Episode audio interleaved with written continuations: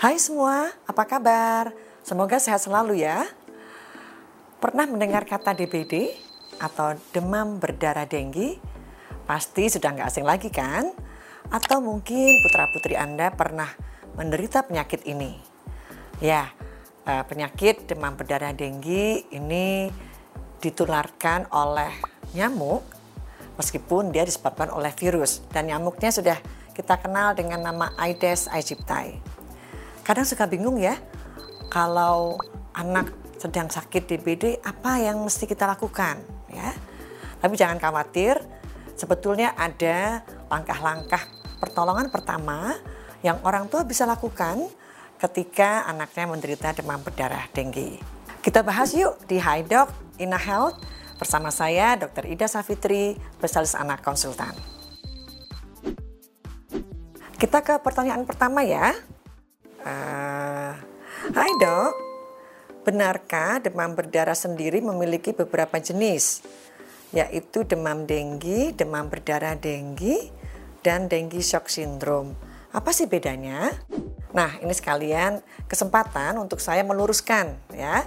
Jadi sebetulnya istilah yang tepat itu adalah infeksi denggi. Nah, sebagai pembanding saya pakai kasus COVID ya. Jadi kita tahu kan kalau penyakit COVID-19 itu disebabkan oleh virus SARS-CoV-2. Nah, kalau orang terkena infeksi dari virus ini disebut sebagai COVID-19 dan gejalanya bermacam-macam dari yang ringan kita sebut OTG, kemudian uh, yang sedang atau yang berat. Nah, sebetulnya infeksi denggi, jadi yang benar adalah infeksi denggi. Infeksi denggi juga seperti itu, dia menyebabkan gejala yang bervariasi dari yang ringan sampai yang berat. Yang ringan sering kita sebut sebagai demam denggi. Gejalanya mulai dari demam, mungkin nyeri otot, nyeri sendi, ya mungkin ada mual, ada muntah, tetapi pasiennya mungkin tidak membutuhkan perawatan yang spesifik atau di rumah sakit. Nah, kalau penyakitnya bertambah berat, maka dia dikatakan sebagai demam berdarah denggi atau yang kita sering sebut sebagai DBD. Jadi eh, DPD sebetulnya bagian dari klasifikasi beratnya penyakit atau infeksi denggi. Pada pasien dengan demam berdarah denggi biasanya memang tidak bisa dirawat di rumah karena membutuhkan pemberian cairan secara infus ya. Jadi harus dirawat. Nah, mereka yang berkembang menjadi sangat berat bisa mengalami yang disebut sebagai shock dan itu diberi nama dengue shock syndrome. Jadi mudah-mudahan uh, penjelasan saya ini bisa uh, meluruskan ya istilah yang sebetulnya agak kurang tepat. Jadi DBD itu hanya sebagian kecil dari derajat beratnya penyakit. Yang, yang betul adalah infeksi virus dengue. Begitu. Ada pertanyaan lagi ya. Eh, hai dok, ponakan saya dulu mimisan terus. Setelah dicek ternyata kena demam berdarah denggi. Lalu apa sih tanda gejala yang khas saat anak terkena DBD lainnya? Nah, jadi yang benar sekali lagi infeksi denggi ya. Uh, anaknya mimisan. Jadi, apakah mimisan selalu terjadi pada semua anak yang terinfeksi virus denggi? Jawabnya tidak. Jadi, gejalanya selalu dimulai dengan demam ya jadi kenaikan suhu badan. Yang normalnya misalnya 36 setengah sampai 37 setengah tiba-tiba suhu anak bisa meningkat sangat tinggi sampai 38 atau 39 jadi dimulai dengan demam kemudian ada diikuti gejala-gejala seperti pusing gitu ya. Anaknya jadi rewel karena dia pusing nggak mau bangun maunya tidur tiduran terus ya atau sakit-sakit badannya.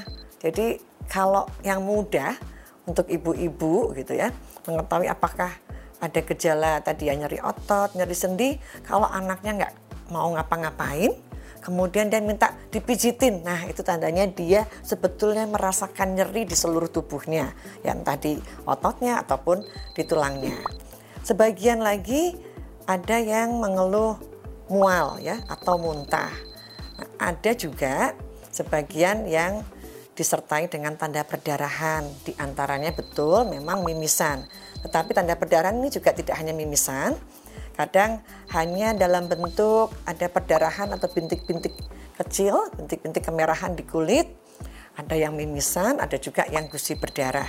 Jadi gejala-gejala tersebut tidak semuanya harus keluar ya.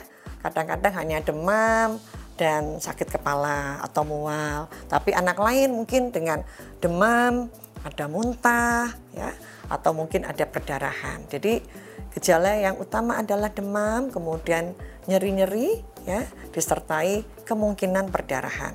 Betul bahwa mimisan tidak selalu menjadi tanda dari demam berdarah denggi. Bahwa pasien dengan demam berdarah denggi ada yang memisen, betul sekali. Mudah-mudahan sudah menjawab ya. Oke, kita lanjut ke pertanyaan terakhir ya.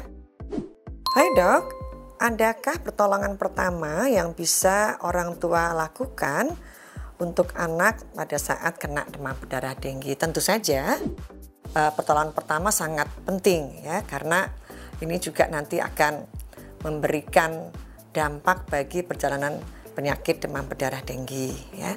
Jadi kalau tadi saya sudah sampaikan bahwa gejala utamanya adalah demam. Nah, sebetulnya demam ini yang menyebabkan anak menjadi tidak nyaman, nggak mau minum, rewel, apalagi kalau disertai dengan mual atau muntah, dia akan semakin apa ya, nggak aktif. Jadi orang tuanya jadi khawatir ya sudah demam, nggak mau minum, muntah ya. Apa yang bisa kita lakukan? Yang pertama tentu saja upaya untuk menurunkan suhunya. Dengan cara apa? Kita berikan kompres ya, kompres hangat yang bisa kita tempelkan di ketiak anak atau di dahi. Kemudian jika suhu tubuhnya mencapai 38 atau lebih, harus diberikan obat penurun panas karena pemberian kompres saja mungkin tidak akan uh, segera menurunkan suhu tubuh sehingga harus diberikan obat penurun panas. Uh, orang tua, ibu-ibu di rumah harus tahu ya bagaimana memilih obat penurun panas yang paling aman untuk anak. Jadi usahakan ketika kita memberikan obat penurun panas yang isinya adalah paracetamol. Nah, kita berikan dengan dosis 10 mg per kilogram berat badannya. Jadi kalau misalnya berat badan putranya 20 kg, kita berikan 200 mg. Nanti kita lihat di takarannya itu kira-kira satu sendok takar atau satu setengah sendok takar ya seperti itu. Kemudian apalagi kita berikan minum ya karena pada saat suhu tubuh yang meningkat uh, yang tinggi apalagi kalau nggak mau minum maka akan ada risiko anak mengalami kekurangan cairan. Nah, orang tua harus memberikan minuman yang lebih banyak daripada kebutuhan sehari-harinya. Seberapa banyak? Ya kira-kira dua kali lebih banyak dari uh, kemampuan minum sehari-harinya, begitu ya. Apa saja yang boleh diberikan gitu? Apakah boleh memberikan air putih, susu, teh gitu ya, jus buah. Ya. Prinsipnya semua cairan boleh diberikan, ya apa yang masih bisa diterima oleh anak. Kalau anaknya senangnya pengennya air putih, berikan air putih. Kalau misalnya inginnya susu, berikan susu. Ya, sebanyak yang mereka masih bisa terima. Nah, dosisnya apa takarannya kecil-kecil aja, sedikit-sedikit tapi diulang terus sampai kita lihat apakah dengan pemberian uh, kompres, kemudian pemberian minum dan uh, obat penurun panas ada perbaikan atau tidak.